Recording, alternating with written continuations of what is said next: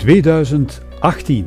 Herinnert u zich nog het Marrakesh-pact, een internationaal migratiepact dat de Belgische regering met N-VA erin zou ratificeren tegen de principes in van N-VA.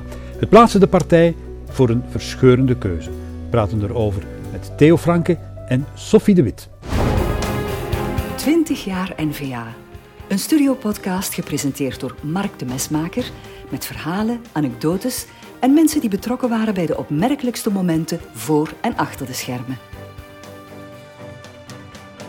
Van harte welkom bij een nieuwe aflevering van de podcast 20 jaar NVA. We zijn nu aanbeland bij het memorabele jaar alweer 2018. Het jaar van de neergang van de regering Michel 1. Het jaar ook van de gemeenteraadsverkiezingen. En mijn gasten vandaag zijn beiden burgemeester, beide ook Kamerlid. Burgemeester, de, een, de ene van Aartselaar, provincie Antwerpen, de andere van Lubeek in Vlaamse Brabant. Bij de meeste gaat er nu al een lichtje branden. Welkom uh, Sophie de Wit en Theo Franken in onze NVA-studio. Dag Mark. Um, ja, beide actief ook op alle fronten, mag ik zeggen. Zowel lokaal als parlementair zijn ze bijzonder actief. Halen, jullie halen allebei ook geweldige scores iedere keer als jullie uh, naar de kiezer moeten gaan. Jullie delen elkaars berichten ook regelmatig op Facebook en social media. En ze specialiseren zich elk in hun domein. Sophie, dat is dan vooral uh, justitie en dan vooral strafrecht, strafuitvoering, gevangeniswezen, zeg maar. Theo, ik even denken, asiel en migratie natuurlijk, maar ook bijvoorbeeld defensie. Ja. ja. Um, Mijn eerste liefde. Eerste liefde, defensie. DAVO en dergelijke. Ja, ja. Met hen willen we voor en achter de schermen terugblikken op die belangrijke periode van de partij. En ik ga even terug, en ik begin met jou, Theo, naar oude jaar, 2017 dan. U zit dan op het VTM-nieuws. Dat gebeurt wel vaker dat je op het VTM-nieuws uh, eh, zit, maar daar uh, zeg je dan, en dat is een beetje symptomatisch voor het verdere verloop van heel het jaar 2018, ik zal alleszins geen ontslag nemen. Wat was daar precies gebeurd? Wat was het toen? Sudan Gate, denk ik. Ach, was dat toen Sudan? Ja, ik, ik moet zeggen dat het een paar jaar geleden is. En ik moet zeggen ook dat die, uh, die vier jaar als staatssecretaris, dat dat een, uh, laten we zeggen, een opeenvolgende uh, reeks van, van crisismomenten was. we zijn begonnen en dat was direct die asiel, Europese asielcrisis. Ik ben niet alleen, al mijn Europese collega's denken er hetzelfde over als ze erop terugdenken op die periode trouwens. En uh, ja, dat was direct pompen of verzuipen. Hè. We moesten 40.000 bedden extra vrijmaken voor iedereen bed, brood te kunnen geven, waar we internationaal toe verplicht zijn. Um, ja, weer Schaffendas, Merkel, dat kwam er allemaal aan. En dan uh, hebben we daarna natuurlijk heel wat crisis ge crisissen gehad, die daar ook een stuk altijd mee te maken hadden. Dat ging dan over die, die migranten in uh, het Maximiliaanpark. Dat was ook heel wat migranten die illegaal zijn binnengekomen in die groep van Weer Schaffendas. Een deel niet, maar de meeste wel. En dan had je natuurlijk die bootmigratie in, in Italië en zo verder, Lampedusa. Dan had je de Sudaan-crisis, dat ging over terugkeer. Hè, omdat natuurlijk heel wat van die mensen moesten ook gewoon terug, omdat dat gewoon gelukzoekers zijn, geen echte asielzoekers. Die moeten dan terugkeren naar hun eigen land. En dat krijg je moeilijk georganiseerd. Um, en dat was inderdaad toen het, uh, het probleem. Um, en uh, ja, daar werd dan gezegd dat ik, uh, dat ik zou ja, ervoor gezorgd hebben dat die mensen zouden gefolterd zijn of dat dat misgelopen zou zijn. Maar dat is duidelijk ook niet waar gebleken en laat dat heel duidelijk zijn. Het was een heel zware periode. En dan kwam die Marrakesh-crisis er nog eens bovenop, maar dat was dan verder in het jaar. Dus heel, die, uh, heel dat mandaat was eigenlijk een, uh, een heel tumultueuze gebeurtenis. Uh, en um, ja, ik, ik, vraag me soms af of ik dat allemaal overleefd heb op die, op die momenten. Maar goed, ik heb uh, sterke stel. Zo te zien wel, hè. Ja. ja. Uh, nee, ik, ik, ga nog even terug naar dat begin inderdaad van 2018. Uh, die affaires rond, die, rond Soudaan dan. Uh, opvallend daar dat de, de voorzitter Bart de Wever op de nieuwjaarsreceptie dan gewoon heel hard in de bres sprong voor u. Want ik laat Theo niet vallen. Was het dan zo? Nee. De, de, roep om uw ontslag? Dat klonk wel, hè? Ja, hè, dus, ja, Wouter Beken, hè, dat zijn dan de leuke collega's in de regering. Hè. Wouter Beken, partijvoorzitter van de CD&V, had me dan ook een kerstbrief gestuurd. Ongelooflijk venijnig en vilijn um, over het kerstverhaal, hè, Maria en Jezus. Um, en, uh, en, uh, en Jozef uh, was echt compleet tot onder gordel. En, en ik vind dan in Rutte, had dan verklaard dat ik maar eens voor de spiegel moest gaan kijken om te kijken of ik nog wel kon functioneren in die regering. Wouter de Vriend had gezegd dat ik bloed aan mijn handen had, van het, omdat die mensen in de moordkelders van het al-Bashar-regime in Sudan had gestuurd.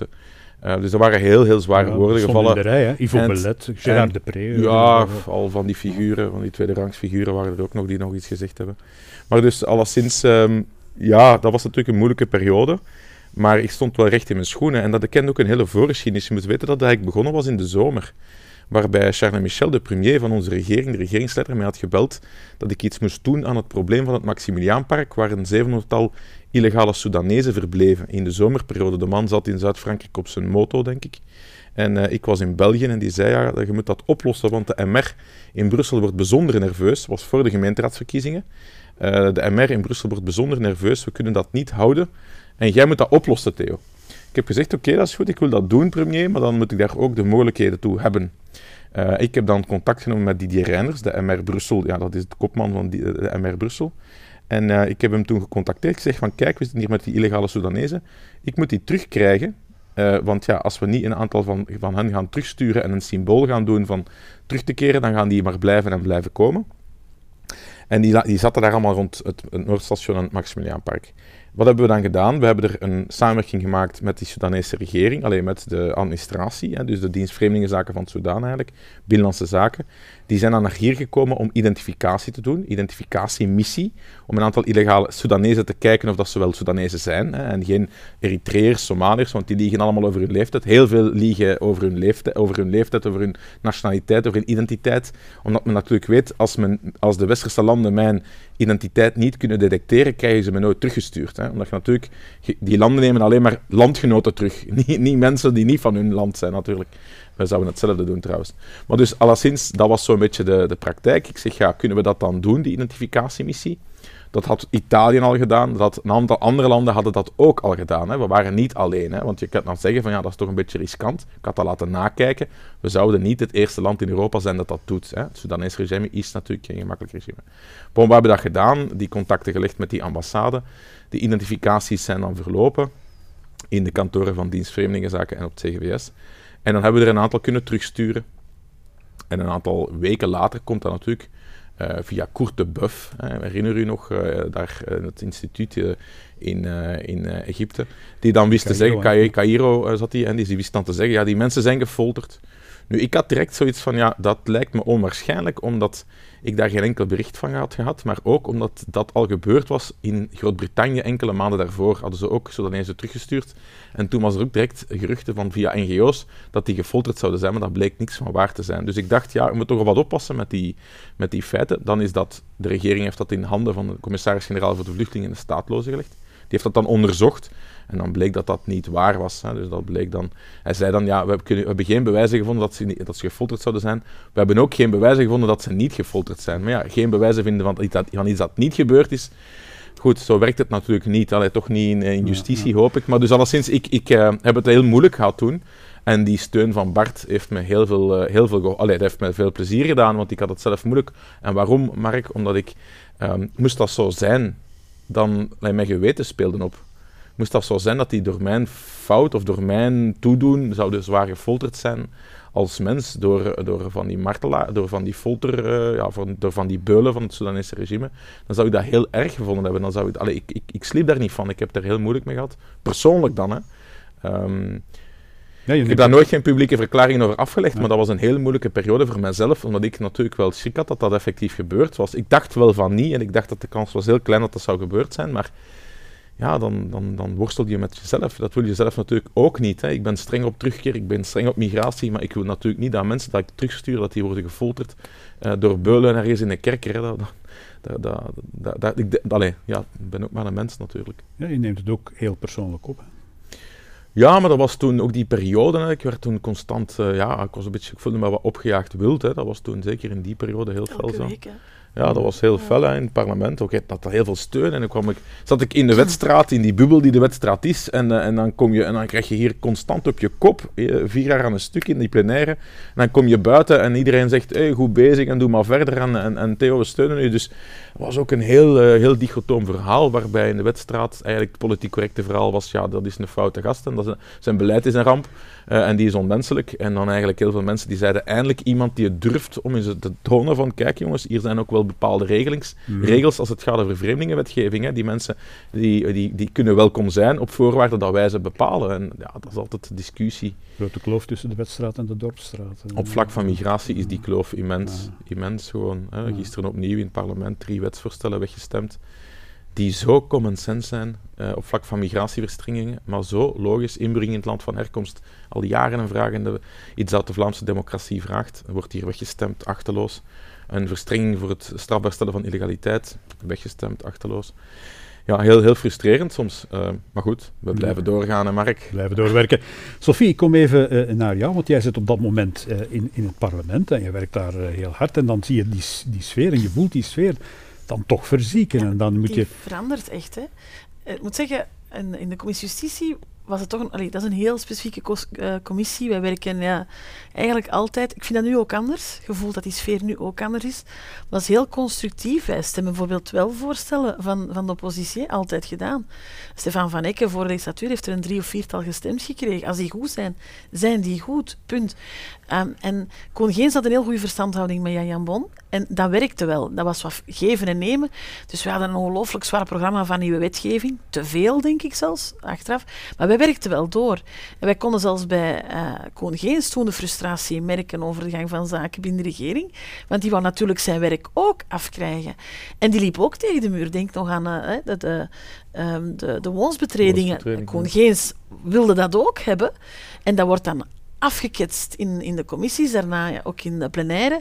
Dus ik denk dat ook binnen de regering die, die sfeer ook op dat vlak, het was niet alleen met, met, ons, maar het werd al grimmeriger tussen mensen die iets wilden gedaan krijgen, denk ik. Maar ik, ik heb dat van op een afstand bekeken natuurlijk, want ik zat in een commissie als parlementair. Uiteindelijk overkomt u dat of beleef je dat? Want je ziet daar niet, ja, je ziet daar, dat is anders als burgemeester, weet ik in mijn dorp ook perfect hoe, wat, waaraan en waaraf als parlement zit, weet je natuurlijk minder dan, dan wie er mee in de regering zit, dat is evident.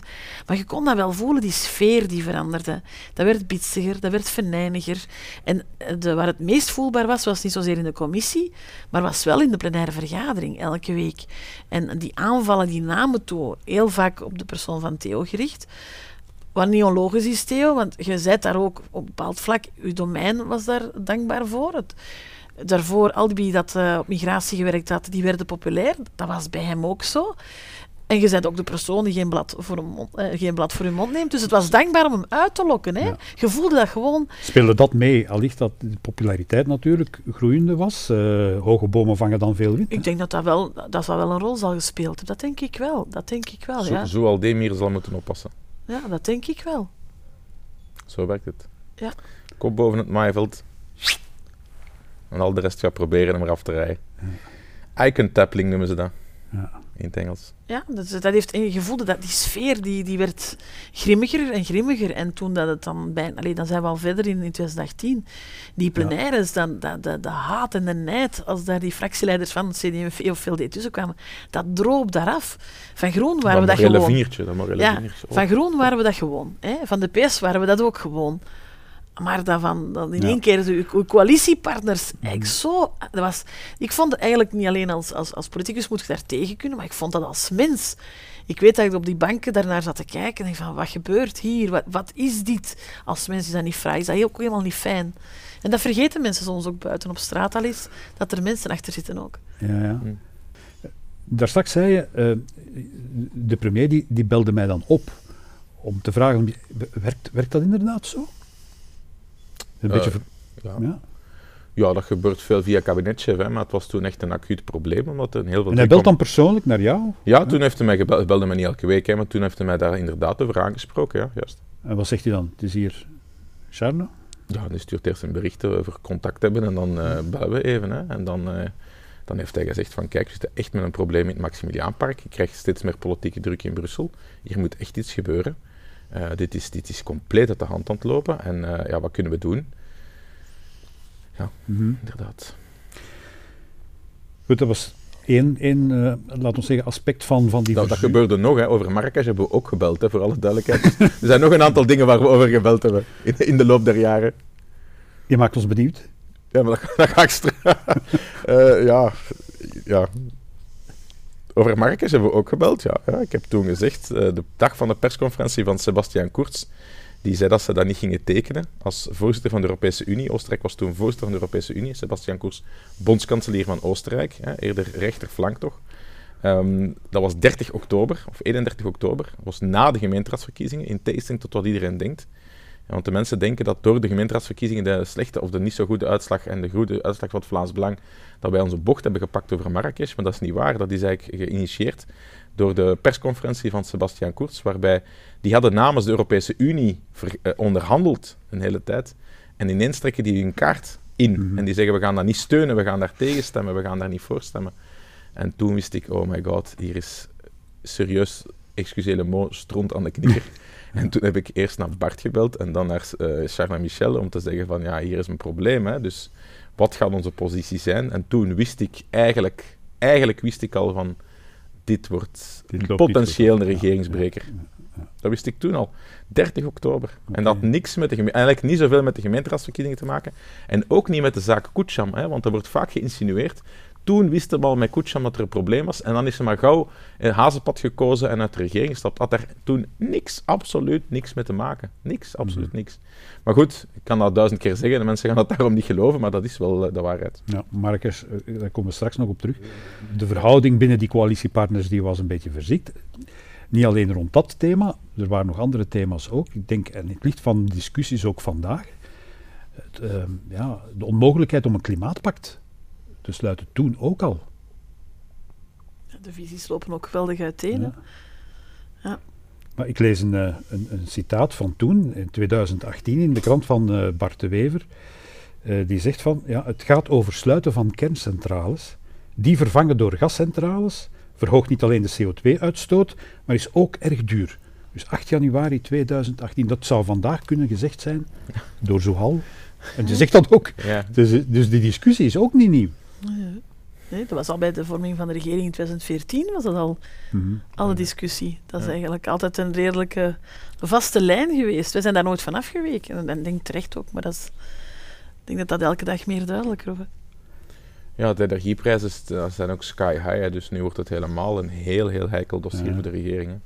En, en, en, en toen, in 2018, krantentitel, Calvo weigert debat over kernenergie met NVA. Ook hier niet niks nieuws in de buzzen? nee, dat zou je eigenlijk eens moeten posten. Dat is eigenlijk nog wel goed. Sophie, jij zei het er straks al, ja, we waren actief in die, die commissie justitie. Ja, je hebt jezelf daar ook echt ingegraven in die, in die commissie. Um, en je hebt ook meegeschreven aan het partijprogramma rond, uh, rond het, veiligheid, het veiligheidsluik van het NVA-partijprogramma. Uh, een van de zaken die er dan, dan uitsprong, bijvoorbeeld een gevangenis bouwen in het buitenland. Ja, dat is een heel. Dat, daar valt iets voor. kijk, dat is een oefening die je moet maken en moet kunnen maken. En ik weet dat dat, dat, dat lokt weerstand uit. En aan de andere kant lokt dat heel veel begrip uit. Maar je zit hier met heel veel gedetineerden in onze gevangenissen. We hebben een heel grote overvolking in onze gevangenissen. Hè veel te weinig plaatsen. Men deelt cellen met drie, vier man. Ehm, dus ons eerste standpunt is dat er meer capaciteit moet zijn. Er is te weinig capaciteit. Hier worden, het aantal gevangenen wordt hier bij ons aangepast aan het aantal plaatsen dat we hebben. En eigenlijk moet dat omgekeerd zijn. We hebben zoveel gevangenen, dus we hebben gewoon zoveel plaatsen nodig en niet omgekeerd. Hier laat men mensen vrij omdat er niet genoeg plaats is. Maar als je dan weet dat er heel veel van de gedetineerden um, geen Belg zijn, dat zijn gigantisch hoge percentages, dan is het geen slecht idee om te zeggen van, ga die straf in het buitenland uitzetten. We hebben dat trouwens, Theos, want ik kon geen schier praten op dat hij de, de, overbevolking aanpakt in de gevangenissen. Dat deed hij eigenlijk vooral samen met, met Theo, omdat degenen die niet uh, legaal hier waren, die werden dan inderdaad teruggestuurd naar hun uh, land van herkomst. En van daaruit is ook het idee gekomen, misschien is het ook geen slecht idee, om dan om ook daar plaats te voorzien dat ze daar ook hun straf kunnen uitzitten. Is dat een evident oefening? Is dat niet, hè?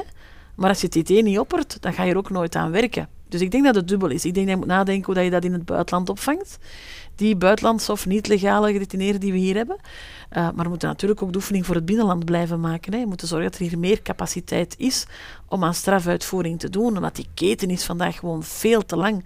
Het duurt veel te lang eer dat je je gevangenisbriefje krijgt.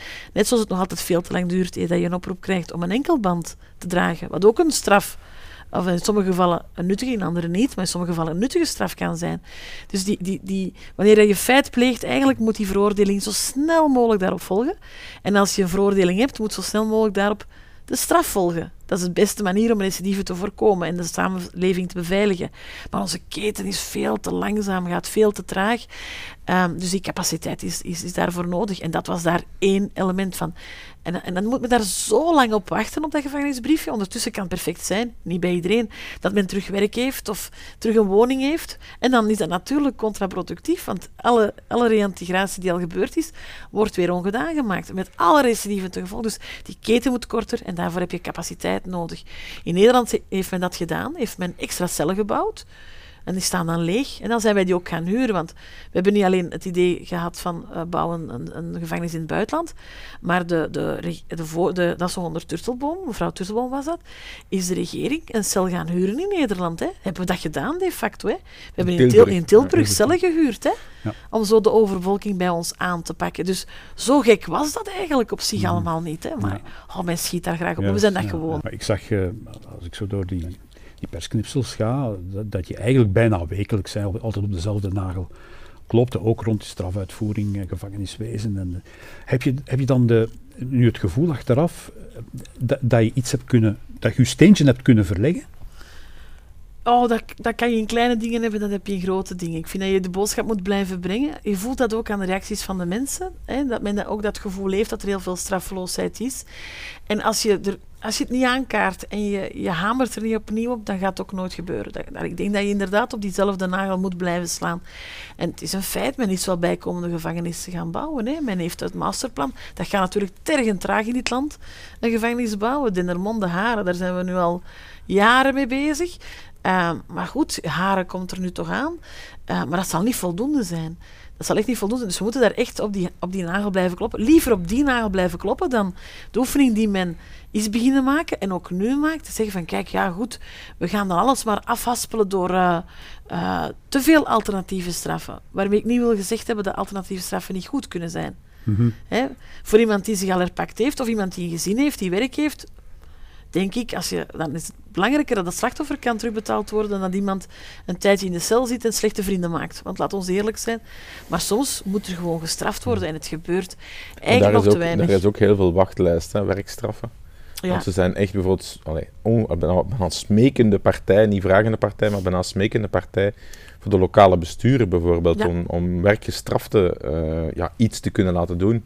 Ze zijn ook bij ons geweest, ook bij jullie waarschijnlijk. wij werken eraan mee. Dus ze zoeken, ze zoeken echt, uh, ja, ze zijn bijna radeloos op zoek naar plaatsen waar dat dan die werkstraf kan uitgevoerd worden onder toezicht. Nou, we doen daaraan mee, hè? Want, ja. uh, de, Wij gaan daar ook aan meedoen. Uh, soms is het wel nuttig, hè? laat hen mee, mee weet ik veel, uh, maaltijden ronddragen, niet binnengaan. Al is het al met de wagen rijden en rondrijden. Hè? weet ik veel, bomen snoeien op de groendienst, plantsoen onderhouden. Iets terug doen voor die samenleving. Zwerf. En, en het, ik denk dat het soms in sommige gevallen nuttiger zal zijn dan inderdaad in die, in die cel steken. En ik denk dat dat een oefening is die we ook als partij moeten durven maken, is nadenken over, want dat is een een beweging die heel hard bezig is. Wat is het nut van een straf? Uh, in andere, aan de andere kant van de taalgrens zegt men gewoon: oh, gevangenissen binnen een paar jaar hebben dat niet meer nodig, want uh, dat, is, dat is natuurlijk onzin. Je gaat altijd je samenleving moeten beveiligen. Maar ik denk dat we inderdaad een breed gamma moeten hebben waar dat de rechter, de rechter moet kunnen zeggen: Jij, wel, ik denk dat voor u die straf het beste zal zijn. En dat kan hij dan best beoordelen, zo kort mogelijk ook na de feiten, want anders een leven verandert altijd. Maar je hebt hier een staatshervorming in dit land die dat ook allemaal wat heeft misvormd, omdat er een heel deel van de strafuitvoering naar Vlaanderen is gegaan zonder de bijhorende budgetten. Dus zoal mag dat nu voor een, een, groot stuk gaan opruimen. Die heeft allemaal oude, versleten enkelbanden geërfd, die niet werken. Die, dat moet allemaal vernieuwd worden. Justitieassistenten moeten die mensen opvolgen, daar zijn er te weinig van. Dus dat is een hele uitdaging. Ze zet daar heel hard op in en dat is ook heel belangrijk. Want ook ongeacht welke straf het is, ze moet uitgevoerd worden. Anders kun je het beter inderdaad niet doen. En dat vind ik belangrijk om daarop te blijven hameren. Dat ga ik ook blijven doen. Iets anders. De combinatie burgemeester en Kamerlid. Hoe spelen jullie dat klaar? Allee, ik zie actieve burgemeesters elk met passie bezig voor hun eigen gemeente. Ik zie zeer actieve Kamerleden. Ja, als Superman en Superwoman bestaat, dan zitten ze hier wel voor mij, denk ik. Hoe speel je dat klaar? Ik heb een heel goed schepencollege en een heel goede administratie. Um, dus dat is zo. Ja, en ik, ik slaap niet veel en ik werk hard, dus ik draai gewoon heel veel uren. Ja. Um, Idem ik, uh, en Sophie, Sophie? Ook, denk ik. ben deze Ja. morgen om kwart voor zes begonnen. je en ik, heb daarin mijn laatste, ik ben deze morgen om kwart voor zes begonnen en ik heb mijn laatste afspraak om half tien vanavond. Dus, Ja, ik herken dat. eh, is, eh, Ik heb ook een, een heel echt een topcollege. Ehm, we hebben een topteam, ook, we hebben een kleine administratie, we zijn een kleine gemeente. Dat maakt het natuurlijk ook beheersbaar. Ik denk dat dat mijn stad ook anders zou zijn. Vergeet ook niet, een kleinere gemeente is ook een, een heel ander verhaal. Maar we hebben inderdaad een sterke administratie, eh, sterke collega's in het college. Ehm, een, geduldige, een geduldige man, want ik heb vier kinderen. Ik wilde net naar vragen, hoe doe je dat ja, dan? Voilà, Want je hebt dus, ook nog eh, een Maar ik slaap bijzonder weinig. Hè. Je Ja. slaapt vier, vijf uur per nacht. Dus eh, ja, dus, eh, ja. Ja dat, is gewoon, dat is gewoon zo, punt. En anders gaat dat niet. En je brengt, je brengt opofferingen. Hè. Dus de, de weinige vrije tijd die er is, die wordt dan besteed eigenlijk aan de kinderen en niet zozeer aan mezelf. Maar dat is ook niet zo erg, want werken, werken is ook geen corvée. Nee. Eh, dus dat is niet zo erg. Oké, Dus, maar hoe lang, hoe lang kan je dat volhouden, Sophie? maar ze is nog advocaten ook, hè. Ja, maar niet zoveel. Dat is waar, ik heb nog altijd mijn praktijk. Ik doe nog enkele zaken op jaarbasis, maar meer, ik moet dat, dat gaat Ah, niet. Maar enkel niet meer, omdat dat... dat- er zijn ook grenzen. Een dag heeft er echt maar 24. Ik heb het onderzocht zo- en afge, afgetoetst langs alle kanten, maar er zitten echt maar 24 uur in een dag. Ja. Theo, ik ga naar u een, een klein quizvraagje. Ehm, ik ga naar een eh, krantentitel. eh, 2018, 12 mei. Franken is een Trumpist. Dat kan ik alleen maar toejuichen. Herinnert u zich die titel? En door wie is de quote gebracht? Door iemand van het Vlaams Belang of zo waarschijnlijk? Ah, nee? nee, ik dacht dat je dat, dat, wil, dat, je, wil dat je dat ging zeggen. Ah, nee. Nee, eh, eh, filosoof Drieu Godefriedi. Ah, ja, ja, ja. ja. Franstalig eh, Ja. denker, ja, Ja. ja. rechtsdenker in Franstalig België. Heel interessant figuur. Ik ben twee keer met hem heb ik eens afgesproken.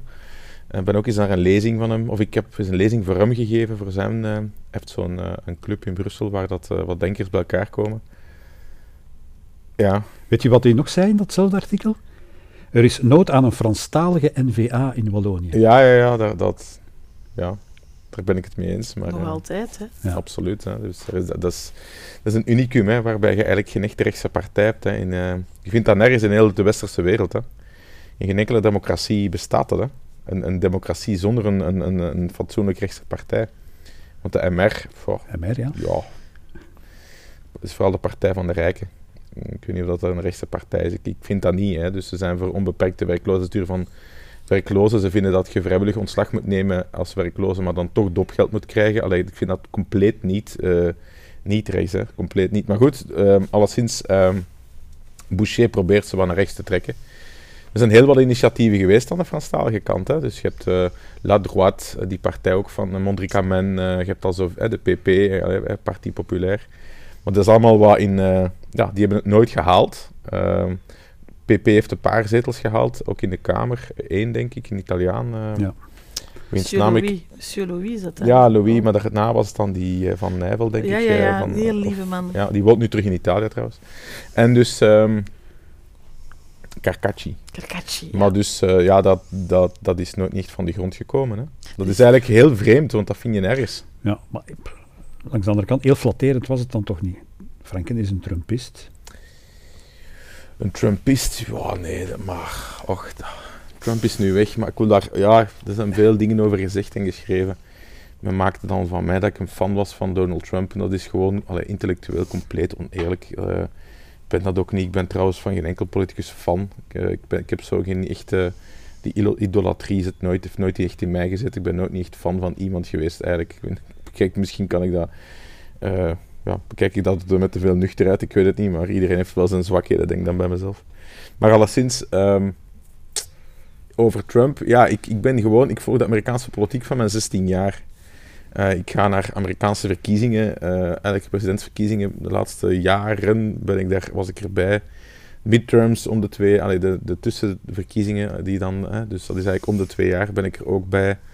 Eh, ik volg Amerikaanse politiek echt op de voet. Ehm, ik ben een, echt een, transat, een, echt een Atlantist, als je het zo wilt. Ik ben echt een Noord-Atlantische denker. En ik vind dat we daar veel harder moeten op inzetten. Ik heb de eer om eh, voorzitter en delegatieleider van, van de NAVO, NAVO-parlement voor België te zijn. Dus dat is zeker een grote eer. Ik steek daar ook veel tijd in. Ik ben daar een boek over aan het publiceren trouwens. Dat komt uit in het najaar. Over de NAVO en over internationale veiligheid en Atlantische bondgenootschap. En ehm, Ja, ik, ik ben meer republikein dan democraat. Ook al ben ik met de Republikein niet alles eens. Ik ben niet voor uh, vrije wapendracht. Ik ben niet voor uh, de afschaffen van abortus en zo verder. Ethisch ben ik helemaal niet, zit ik helemaal niet op die lijn. Um, maar goed, Amerika is Amerika en wij zijn Europa. Um, en moest ik in Amerika wonen, was de kans groot, denk ik, dat ik republikein was en geen democraat. Maar, en Trump was de president van de, van de Republikeinen. Um, en dan wordt het allemaal zo op een hoop gegooid.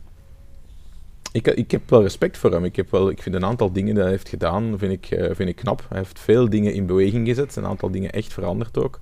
Die al veel presidenten beloofd hebben, maar nooit gedaan.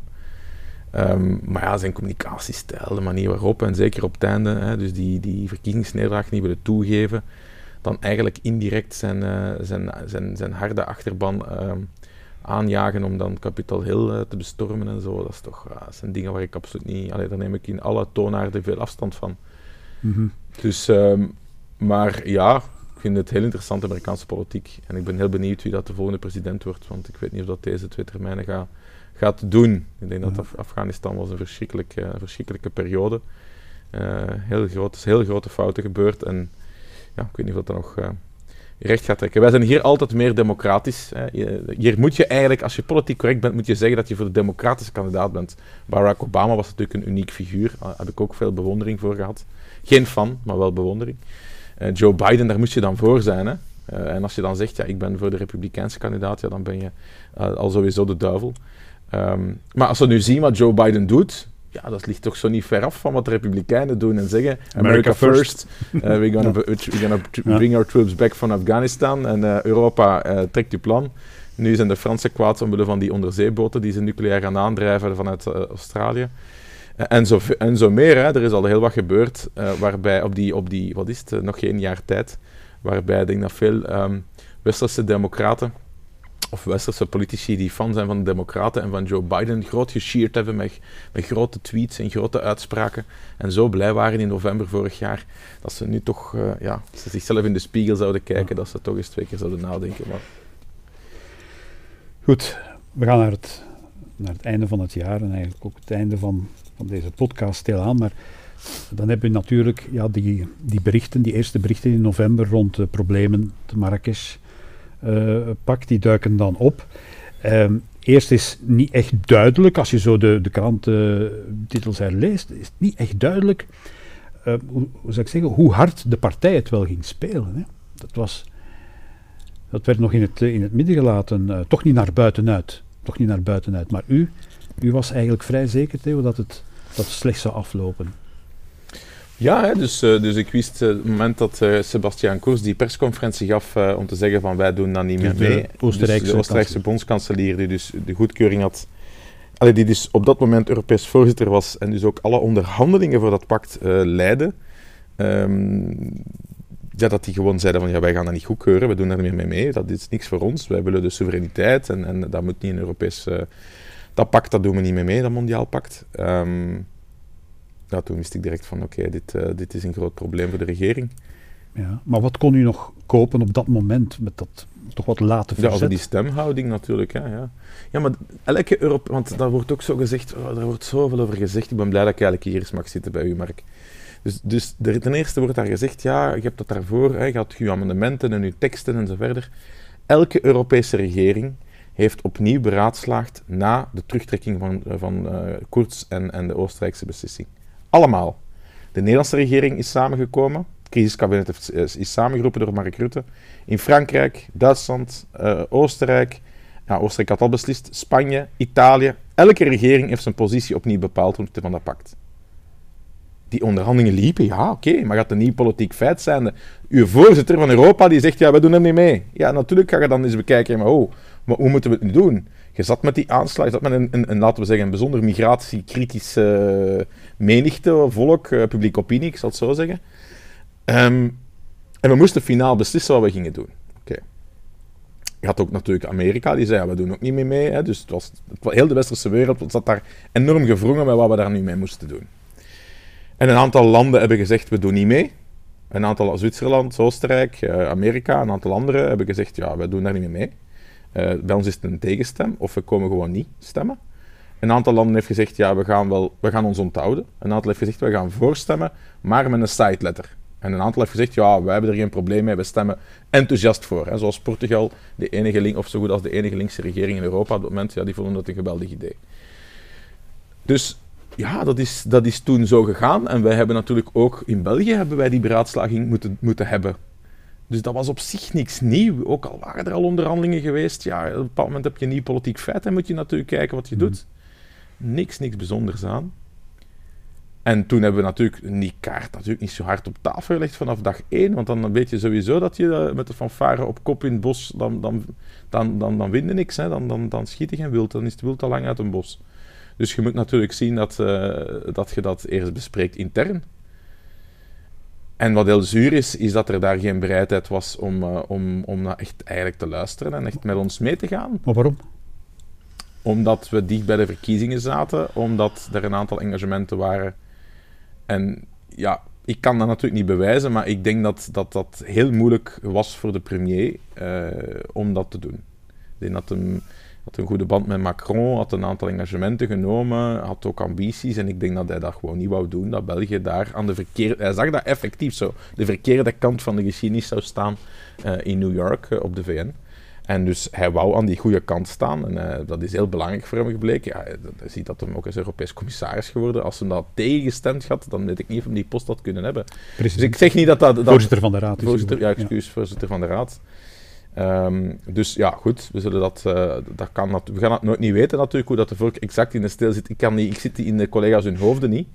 Ik weet wel dat wij toen gevraagd hebben van, kijk, kunnen we naar een, een, een oplossing gaan, een onthouding en, uh, en dat was dan allemaal niet bespreekbaar, hè. dat moest en dat zou gestemd worden. En dat vind ik dan heel spijtig, omdat we natuurlijk in de loop der jaren heel veel toegevingen hebben gedaan. Misschien zelfs te veel, als je het dan later bekijkt. Eh, als grootste partij en leidende formatie in de regering aan uh, over de woonsbetreding, bijvoorbeeld met de MR. Eh, compleet ridicuul dat we dat niet gestemd hebben, want er was niks mis met die wet. Um, naar CD&V hebben we zoveel toegevingen gedaan. Uh, naar ACW, naar alle mogelijke sociale factoren en zo verder, constant eigenlijk. En dan is dat wel heel zuur natuurlijk, hè, dat je dan uiteindelijk uh, ja, zelf de eerste keer eigenlijk in een hele legislatuur is een, echt iets vraagt en echt zegt van hier zitten we echt, wij zitten hier in de problemen. Want anders gaan we, als we dat goedkeuren zonder meer, dan gaan we gematrakeerd worden op rechts en over zes maanden zijn verkiezingen. Dus gun ons hier die onthouding dat wij weg kunnen. En dat was, dat was geen bereidheid toe. Maar was het electorale overweging of ging het naar de kern van de politiek? Nee, het zijn de twee dingen. Het was één natuurlijk, de, de essentie was die soevereiniteit.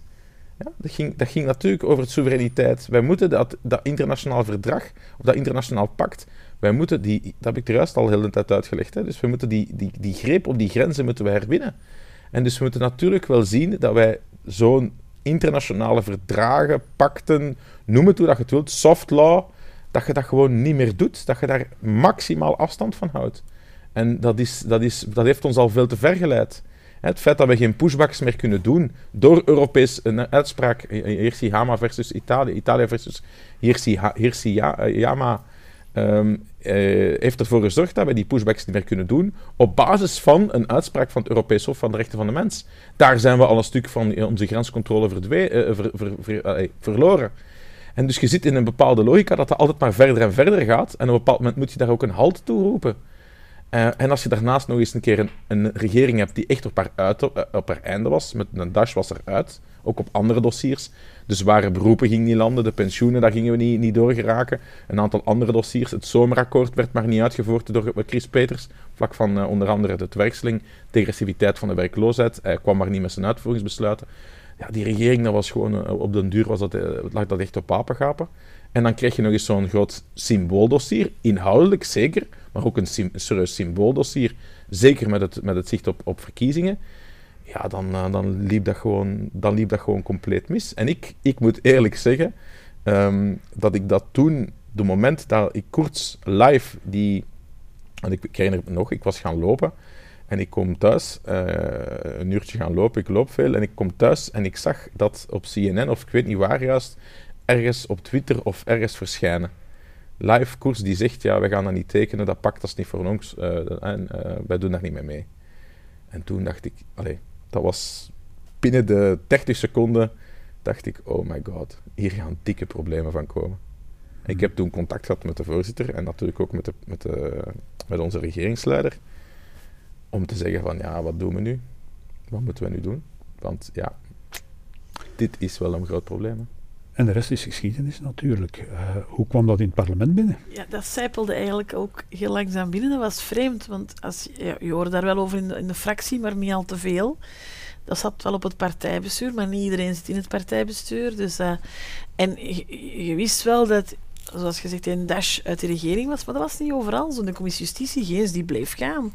Wij waren maar met wetboeken bezig, dus wij werkten eigenlijk door. En, en uh, um, ja, dat gebeurt dan. En ik, zoals ik dat straks al zei, de, de, de, vijandigheid en de haat op sommige gezichten in die debatten rond die periode. Dat is iets dat ik niet heb vergeten. Ik vond dat dat raakte echt. Je zag dat echt, hè? De, het venijn op de gezichten. En wat aan mij het meeste bevreemde was dat ja, de regering. We stappen dan uit de regering. Of ja, ze duwen ons uit de regering, want ze hadden al de andere ministers gevraagd nog voordat wij het wisten. dat was ook daar zal de geschiedenis wel uitwijzen hoe dat zit. Maar het rare was dat men dan gewoon dacht dat na, na heel dat gebeuren we gewoon konden voordoen. Dat wij dan vanuit de oppositie wel alles zouden blijven steunen. Dat we gewoon konden voortwerken dat was in, in de plenaire heel raar. Dat was, ja, dat was hallucinant hoe dat dan de, de eerste plenaires daarna van naar de regering vertrouwen. Wat, is het nu? Wie gaat nu wat steunen? Men ging er maar vanuit. En dan was ja, de NVA blijft ons wel steunen. En hij zegt van ja, Peter erover toen, dat gaan wij niet zomaar doen. We zullen nu elk dossier beoordelen. Dan keken ze Michel, maar dan gaat de oppositie ons. Dan zit je daarbij na zoveel jaren parlement van wacht even. Hè?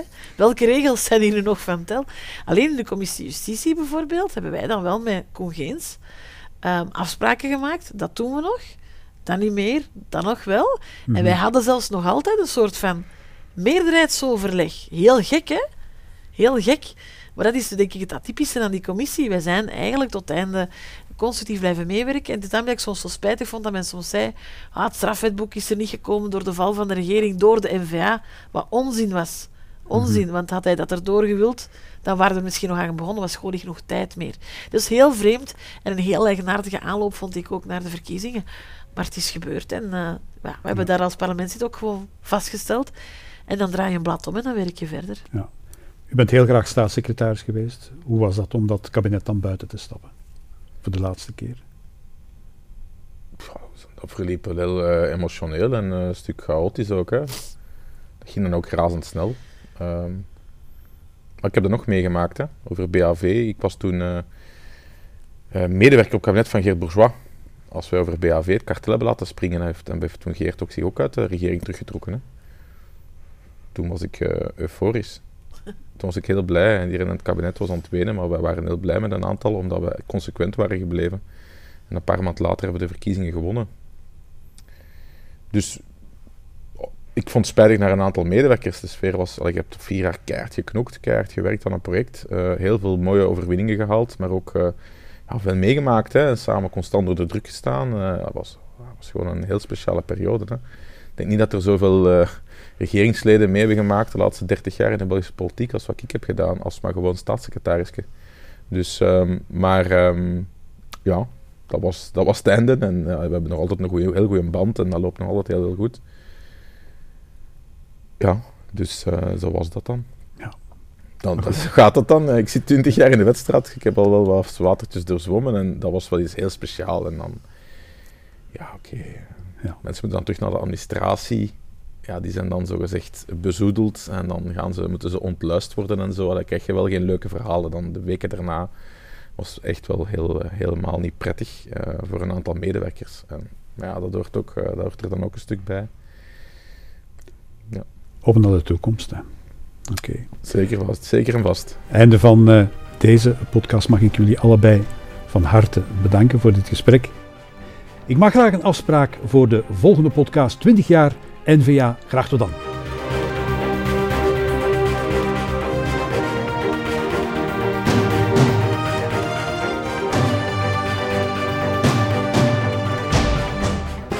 Twintig jaar NVA.